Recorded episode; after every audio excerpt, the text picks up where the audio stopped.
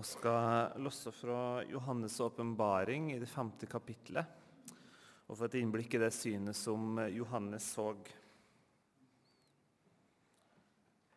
Og jeg så at han som satt på tronen, hadde en bokrull i sin høyre hånd. Det var skrevet både inni og utenpå den, og den var forseglet med sju seil. Da så jeg en mektig engel som ropte med høy røst. Hvem er verdig til å åpne boken og bryte seilene? Men verken i himmelen eller på jorden eller under jorden var det noen som kunne åpne boken eller se i den. Da gråt jeg sårt, fordi ingen var funnet verdig til å åpne boken eller se i den. Men en av de eldste sa til meg, gråt ikke, for løven av Judas stamme, Davids rotskudd, har seiret og kan åpne boken og de sju seilene. Og jeg så et lam som sto midt på tronen, mellom de fire skapningene og i kretsen av de eldste. Og det så ut som om lammet var slaktet. Det hadde sju horn og sju øyne, og øynene er Guds sju ånder som er sendt ut over hele jorden. Lammet kom og tok imot bokrullen fra den høyre hånden til han som satt på tronen. Da det tok boken, falt de fire skapningene og de 24 eldste ned for lammet. Hver av dem hadde en harpe og gullskåler fulle av røkelse. Det er de helliges bønner. De sang en ny sang.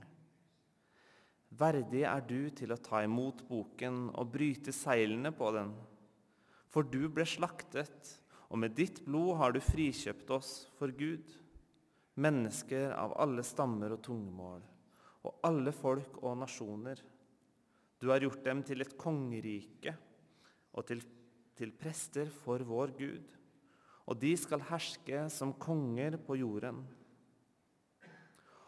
Og jeg så og jeg hørte lyden av mange engler omkring tronen og de fire skapningene og de eldste. Det var myriader på myriader, tusener på tusener. De ropte med høy røst, verdig er lammet som ble slaktet. Verdig til å få all makt og rikdom, visdom og styrke, ære og pris og takk. Og hver skapning i himmelen og på jorden og under jorden og på havet. Ja, alt som finnes i dem, hørte jeg si. Han som sitter på tronen, ham og lammet være takk og ære, pris og makt i all evighet. De fire skapningene svarte amen, og de eldste kastet seg ned og tilba. Slik lyder Herrens ord.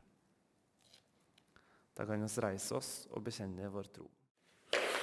La oss be. ja. Velsigna være du, Jesus, som kom den første jul som et lite barn, og som en dag skal komme igjen i makt og herlighet og ta oss hjem til deg.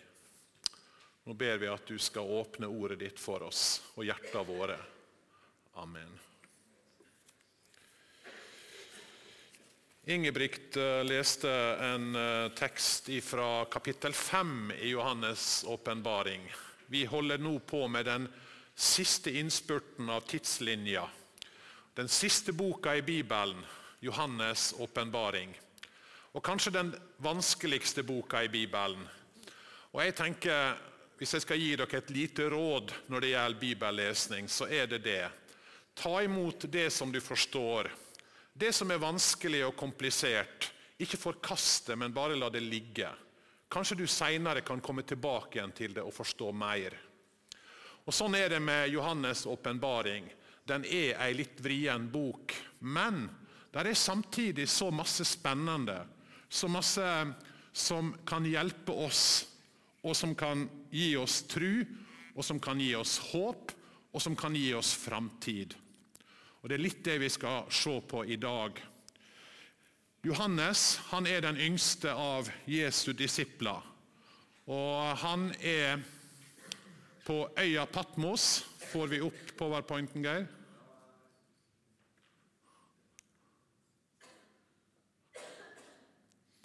Jeg tenkte jeg skulle vise dere et kart.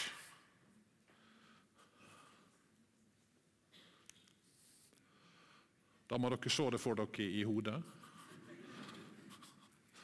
Sju mil utafor øya utenfor Tyrkia, vest for Tyrkia, vest for Efesos, ligger denne lille øya.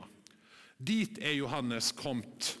Det står i kapittel 1.: Jeg, Johannes, som er deres bror, og sammen med dere har del i trengslene og riket og utholdenheten i Jesus. Jeg var på øya Patmos. Dit var jeg kommet på grunn av Guds ord og vitnesbyrdet om Jesus. Han var kommet dit som eh, en av mange som ble forvist. Keiser Domitian, som antagelig var den verste kristendomsforfølgeren i denne tida, han drepte mange. Han fengsla enda flere, og han forviste, landsforviste mange, inkludert sin egen kone, som ble kristen. Og Johannes var en av de som ble forvist til denne øya pga. sitt vitnesbyrd om Jesus. Og Når han sender denne helsinga, som han jo får gjennom dette synet, så sender han det til kristne rundt om i Asia som er forfølgt som er fengsla, som blir torturert og som blir drept. Det er et viktig bakteppe for denne boka, Johannes' åpenbaring. De som leste dette, var folk som var i stor nød. Som var i stor trengsel og under stor forfølgelse. Og Så får de altså en hilsen ifra Gud, en slags åpenbaring, der Johannes, ja, der Johannes eh, åpner opp. Det er som om sløret blir tratt litt til side inn i Guds verden, inn i den usynlige verden. Vi tenker jo så fort at det er det vi ser, det er det vi kan ta på, det er det fysiske som er virkelig. Og så er Bibelen sin tanke helt annerledes. Den virkelige virkelighet, den som virkelig er, det er Gud og Guds verden. Og Det er denne vi får et lite glimt av, denne usynlige virkeligheten. Det er nesten som du tar et røntgenbilde, og så ser du at bak hud så fins det masse forskjellige ting. Hud og kjøtt skjuler det, men vi får en glimt av en skjult tilværelse. Og Johannes' åpenbaring er en sånn glimt av en skjult tilværelse som altså blir litt åpenbart for oss. Og Det Johannes ser inn i denne usynlige verden, er til dels ganske skremmende og voldsomt. Men det er først og fremst skrevet til trøst og til håp for forfulgte og trakasserte og fengsla mennesker. Og håpet er dette Gud er på si trune. Gud er på si trune. Det er Han som er Herre. Frykt ikke, sier Jesus. Jeg er den første og den siste og den levende. Jeg var død, men se, jeg lever i all evighet og har nøklene til døden og dødsriket. Det var dette vi så på forrige gang. Jeg er alfa, den første bokstaven i alfabetet. Jeg er omega, den siste bokstaven i det greske alfabetet. Jeg er den som er, og som var, og som alltid skal bli og jeg er den sterkeste. Det er som om man på en måte gjennom hele boka holder fram dette her. Men lammet er herrenes herre og kongenes konge. Det er grunnlaget. Det å tro dette og det å se dette i en verden som var mørk og kjempevanskelig, ja, det var ei enorm trøst og hjelp.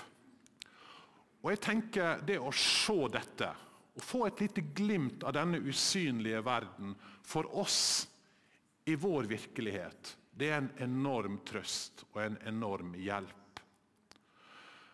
Paulus hadde et veldig, veldig vanskelig liv. Eh, jeg tror vi knapt kan ane hvor tøft livet til Paulus var. Og Han ble jo da fengsla, og han hadde masse trengsler, og han ser at slutten nærmer seg. Blir han mismodig og lei? Nei, han sier i Kolosserbrevet vi har ikke det synlige for øyet, men det usynlige. For det synlige tar slutt, det usynlige er evig. Mamma døde ganske ung. Det siste bibelverset der eh, Bibelen hennes lå oppslått, det var dette her. Hun hadde kreft og visste at hun kom til å dø. Og jeg tror For henne og for mange andre og for Paulus så handler det om der er ei anna virkelighet. Der er ei anna virkelighet. Det synlige, det tar slutt. Det usynlige er evig. Og Likedan Moses eh, kjenner jo livet hans. Vi var innom han i tidslinja. Han ble bedt om å føre folket ut av Egypt. Og så står det et fantastisk vers i Hebreabrevet om Moses sitt liv og hans tru. I tro forlot han Egypt uten å frykte kongens vrede. Han holdt ut, for det var som om han så den usynlige. Han holdt ut uten frykt. Det var som han så den usynlige. Og sann visdom, tenker jeg, det er å minne hverandre om at dette, dette livet, det er ikke alt. Det synlige er ikke alt. Vi er skapt for evigheter. ikke for det som er forgjengelig, men for det som er evig. Og Sann visdom handler om å innrette livet sitt med dette perspektivet klart for seg. Og Det er her Johannes' åpenbaring kan hjelpe oss. For den trekker sløret til side, trekker forhenget til side, så vi i glimt ser inn i denne usynlige verden og hjelper oss til å se livet og problemer og framtida fra Guds perspektiv, ikke bare fra vårt. Og Det å se framtida fra Guds perspektiv det gjør at vi forstår at dette livet vil skuffe oss. Dette livet vil skuffe oss.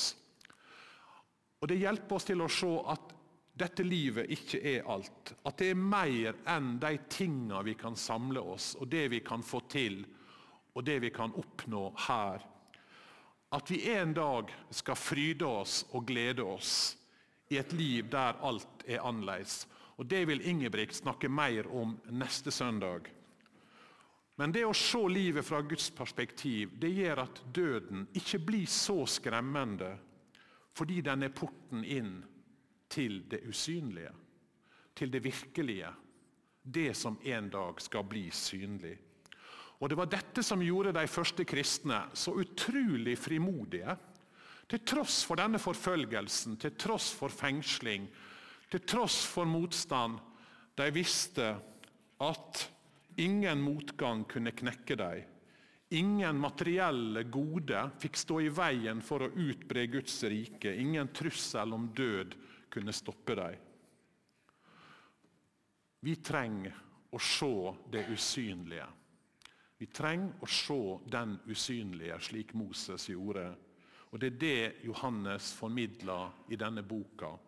Glimt av det usynlige Sløret trekkes til side, og vi ser, vi ser Jesus.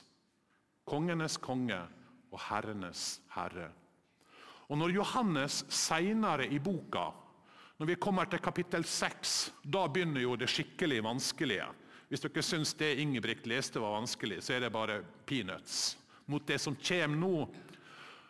Når han begynner å skildre det voldsomme og det vanskelige og det skremmende, så er hele tida dette den røde tråden i Johannes' åpenbaring. Ja, ting er vanskelig og voldsomme, men Jesus er herrenes herre og kongenes konge. For noen år siden, Før filmene kom, så leste jeg 'Ringenes herre', den som er skrevet av Tolkien, vennen til C.S. Lewis. Han var jo kristen Tolkien, og han skriver jo 'Ringenes herre' ut fra det perspektivet. Det er jo ei gjennomsyra kristen bok hvis du leser det med hans briller. Og jeg husker det som rørte meg mest med den boka, eller som på en måte var mest sånn intenst med den boka, var jo hans skildring av vondskapen. Hans skildring av vondskapen. Filmene hvis dere har sett dem, var jo voldsomme, men boka var egentlig på en måte enda mer sånn intenst beskrivende av en vondskap, så du nesten kjente kulden når du leste det.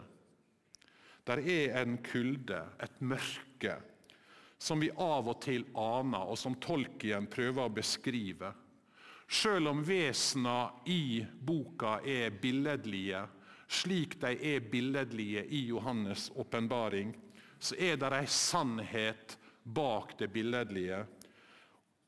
Jo, der er ei vond makt bak det vi ser og hører Ei makt som vil noe vondt i denne tilværelsen. Et par ganger i livet så har jeg kjent at jeg har vært i kontakt med det som jeg nesten vil si er virkelig vondskap. Og Det har vært skremmende opplevelser. Og det har vært så skremmende at i de situasjonene så var det eneste jeg kjente, det var jeg må be om Jesu blods beskyttelse her. Og så kjente jeg at det var en fred i det, til tross for denne kulden og dette mørket som jeg følte jeg var i berøring med. Å være en kristen, sier Bibelen, det er å være i kamp. Ta på Guds fulle rustning, sier Paulus så dere kan stå dere mot djevelens listige knep. For vår kamp er ikke mot kjøtt og blod, men mot makter og åndskrefter, mot verdens herskere i dette mørket, mot ondskapens ånde her i himmelrommet. Og Det er dette vi får et glimt av når Johannes etter hvert nå i neste delen av boka drar sløret til side og viser oss noe av ondskapens ånde her i himmelrommet. Og så er det noen som drar på smilebåndet. Er ikke Kirka ferdig med dette her, da? Er ikke dette gammeldags? Er ikke dette her på en måte noe som vi har lagt bak oss fra forrige århundre? Har ikke vi i vår vestlige verden kommet fram til at ondskapens årsak ja, det er psykologiske og sosiale eh, årsaker? Det skyldes naturlige ting, dårlige oppvekstvilkår, misbruk i barndommen, fattigdom, rasisme. Og vi kan fikse dette her gjennom terapi eller gjennom utdanning eller gode fritidstilbud. Lista er lang. Der er stemmer i vår verden som stiller spørsmål ved denne tankegangen. En av dem er en som heter Andrew Del Bonco. Han er professor ved Columbia University. Han skrev for noen år siden en bok, 'Satans død', hvordan amerikanerne har mista forståelsen av det vonde. Og Andrew Del Banco han er ikke en kristen, han kaller seg for en sekulær ateist. Men han påstår i en første setning i boka det har oppstått et gap i vår vestlige kultur mellom vondskapens synlighet og våre intellektuelle ressurser til å mestre den. Vi tror jo ikke lenger på ondskap, sier han. Vi liker ikke det ordet fordi det impliserer verdivurdering og moralske absolutt. Så vi prøver å finne andre forklaringer. Men det blir vanskeligere og vanskeligere å si at holocaust og seriemord og massakrer oppstår pga. psykologiske og sosiologiske årsaker. Og Hans konklusjon er at vi kan ikke forklare denne dype og gjennomtrengende vondskapen. Men Bibelen kan. Den sier det fins en djevel. Der er ei vond makt.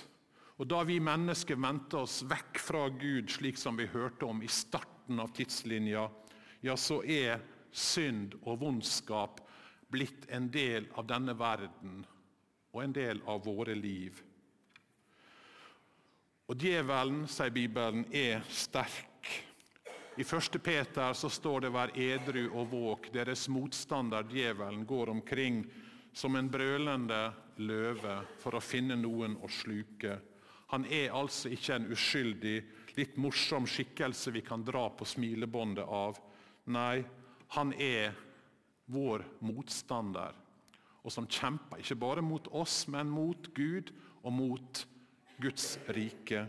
Og Når sløret blir dratt altså til side i Johannes' åpenbaring, ja, så får vi glimt av hvor sterk denne motstanderen og hvor voldsom han er.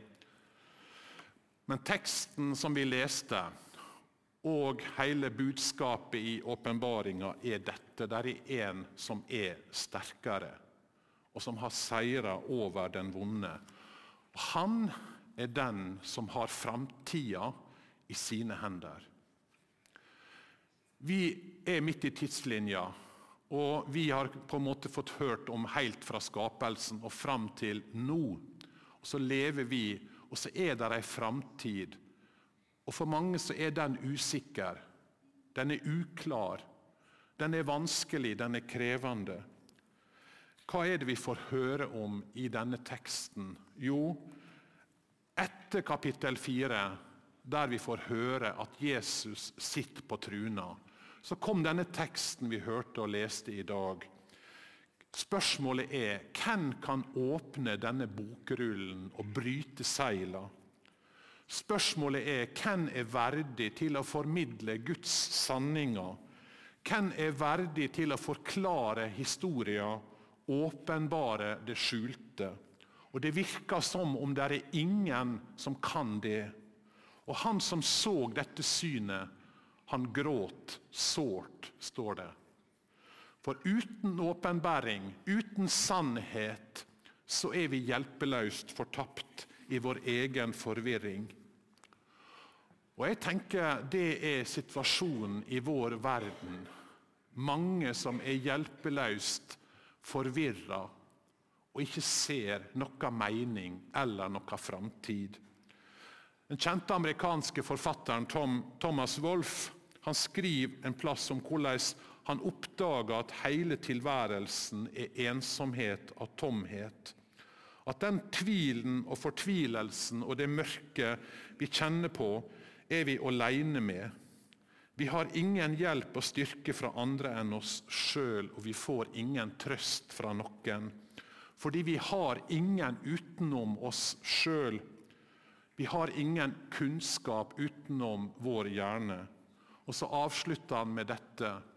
Det synes som om livet til slutt er ingenting.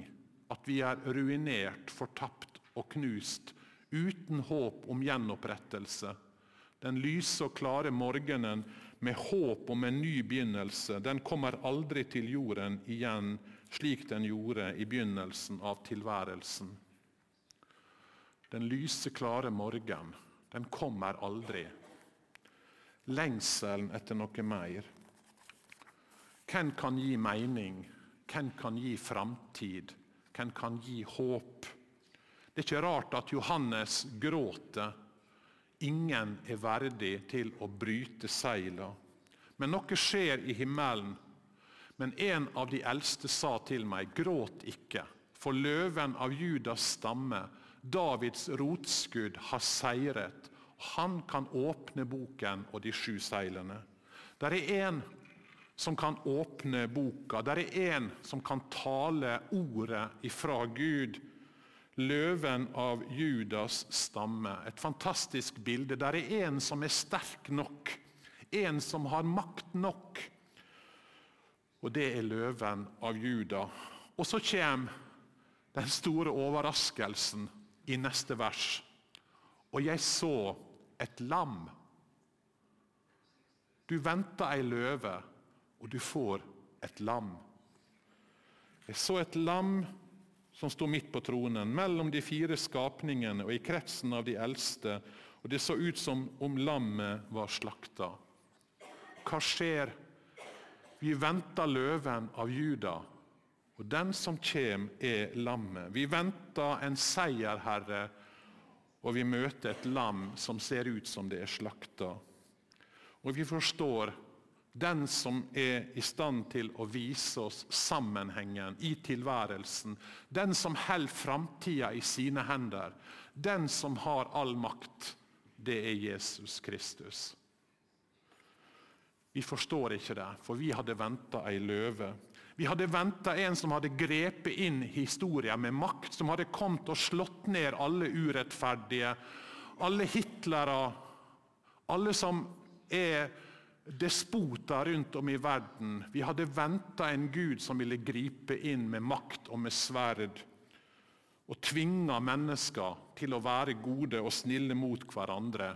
Vi hadde venta han stor og mektig, og så kommer han i ei stall, i ei krybbe, som et lite barn. Og så kommer han ydmyk, og så dør han på et kors. Og så seirer han gjennom det over maktene slik som det står i Kolosserne. Han avvæpna maktene og myndighetene og stilte dem fram til spott og spe da han triumferte over dem på korset. Vi venter ei løve, og se, der er Guds lam, som bærer verdens synd. I Johannes' åpenbaring møter vi andre dyr. Det vil dere fort lese om. Og Et av de dyra som stiger opp av havet, er mektige og imponerende. Og Jeg så et annet dyr stige opp av jorden. Det hadde to horn som et lam, men talte som en drage. Det gjør store tegn, det lar til og med ild fra himmelen fare ned på jorden, midt for øynene på folk. Det forfører dem som bor på jorden, det tvinger alle, små og store, rike og fattige, frie og slaver, til å ha et merke på sin høyre hånd eller på pannen, og ingen kan kjøpe eller selge noe uten å ha dette merket, dyrets navn, eller det tall som svarer til navnet. Og Tallet er jo 666. Et dyr som vi forstår når vi leser disse avsnittene her, er i pakt med ei kvinne. Og Denne kvinna er den store byen. Det er Babylon. Og Det minner oss om det første Babylon, der mennesker prøvde å bygge et samfunn uten Gud. Forsøket på å nå opp til himmelen, et forsøk som enda med forvirring, og som ødela fellesskapet. Dyret sitt samfunn må derfor bli holdt sammen med andre middel enn mennesker som vil samarbeide og som forstår hverandre. Og Derfor blir Babylon sammenlignet med ei hore. Bildet på den tilfeldige forbindelse, den kjøpte erstatning for sant fellesskap. Jordens konge har drevet hor med henne, står det i kapittel 18. Kjøpmennene på jorden er blitt rike av hennes overdådige luksus. Og så møter vi den eldgamle erstatninga for Gud, den eldgamle erstatninga for treenigheta, penger, sex og makt. Og så kommer Jesus, og så kommer han med et annerledes rike. Et helt annerledes rike. Et annerledes rike enn det vi leser om i avisene og som vi ser på nyhetene fra maktkamp i politikk og i næringsliv, og fra maktkamp i USA og Russland og Kina. Denne verden, der har pengene makt. Det spørs ikke hva som er rett, om det er klokt, men det spørs hvem er det som har aksjemajoriteten. Vi lever i en tid da bombene har makt. Spørsmålet er hvem er sterkest? Og så er lammets fellesskap et annet slags fellesskap. Et fellesskap bygd på kjærlighet, på offer, på det å gi seg sjøl. For hva ser vi når vi ser inn i denne usynlige verden? Jo, de sang en ny sang. Verdig er du til å ta imot boken og bryte seilene på det, for du ble slaktet, og med ditt blod har du frikjøpt for Gud mennesker av alle stammer og tungemål av alle folk og nasjoner. Dyrets samfunn bygger på at de som har makt, stadig går over lik for å nå sine mål. Dyrets samfunn, som vi leser om i åpenbaringa, utøver sin makt ved å tvinge folk til å underkaste seg. Lammets samfunn bygger på en leder som frivillig gikk til korset for at vi skulle få del i friheten. Han utøver sin makt ved å tjene oss og vekke kjærlighetens gjensvar hos oss. Det er en annen, det er en annen Gud, det er en annen makt, det er et annet rike. Hva skal komme? Ja, vi får ikke alle svarene i Johannes' åpenbaring. Og jeg tenker av og til at Vi kan bruke mye tid på å spekulere, men kanskje ikke det er så veldig konstruktivt. Vi får glimt av det usynlige, og det er mye som er vanskelig å tolke. Når vi leser 'Ringenes herre', så er det jo en helt. Det er Frodo. Og Frodo han får bare biter av informasjon. Har dere lagt merke til det? Det er veldig lite han egentlig får vite når han skal legge ut på denne lange og strevsomme ferden. Mesteparten av tida så vandrer han litt omkring, forvirra og hjelpeløs. Når han ser bakover, så ser han av og til i glimt ting som gir mening.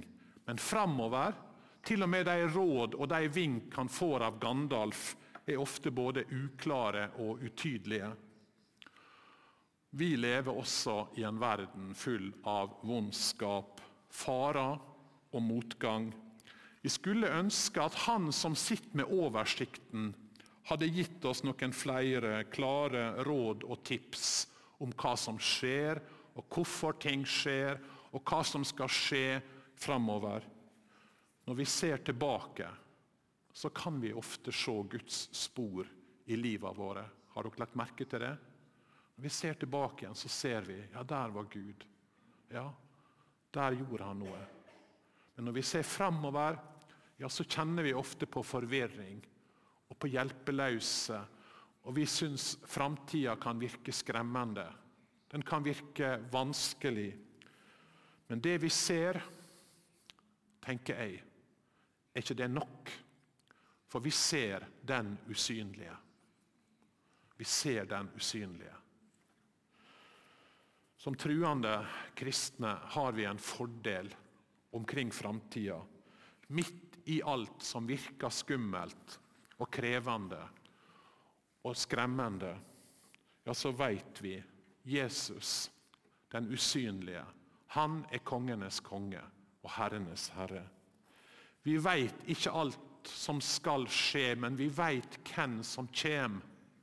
Det er Jesus.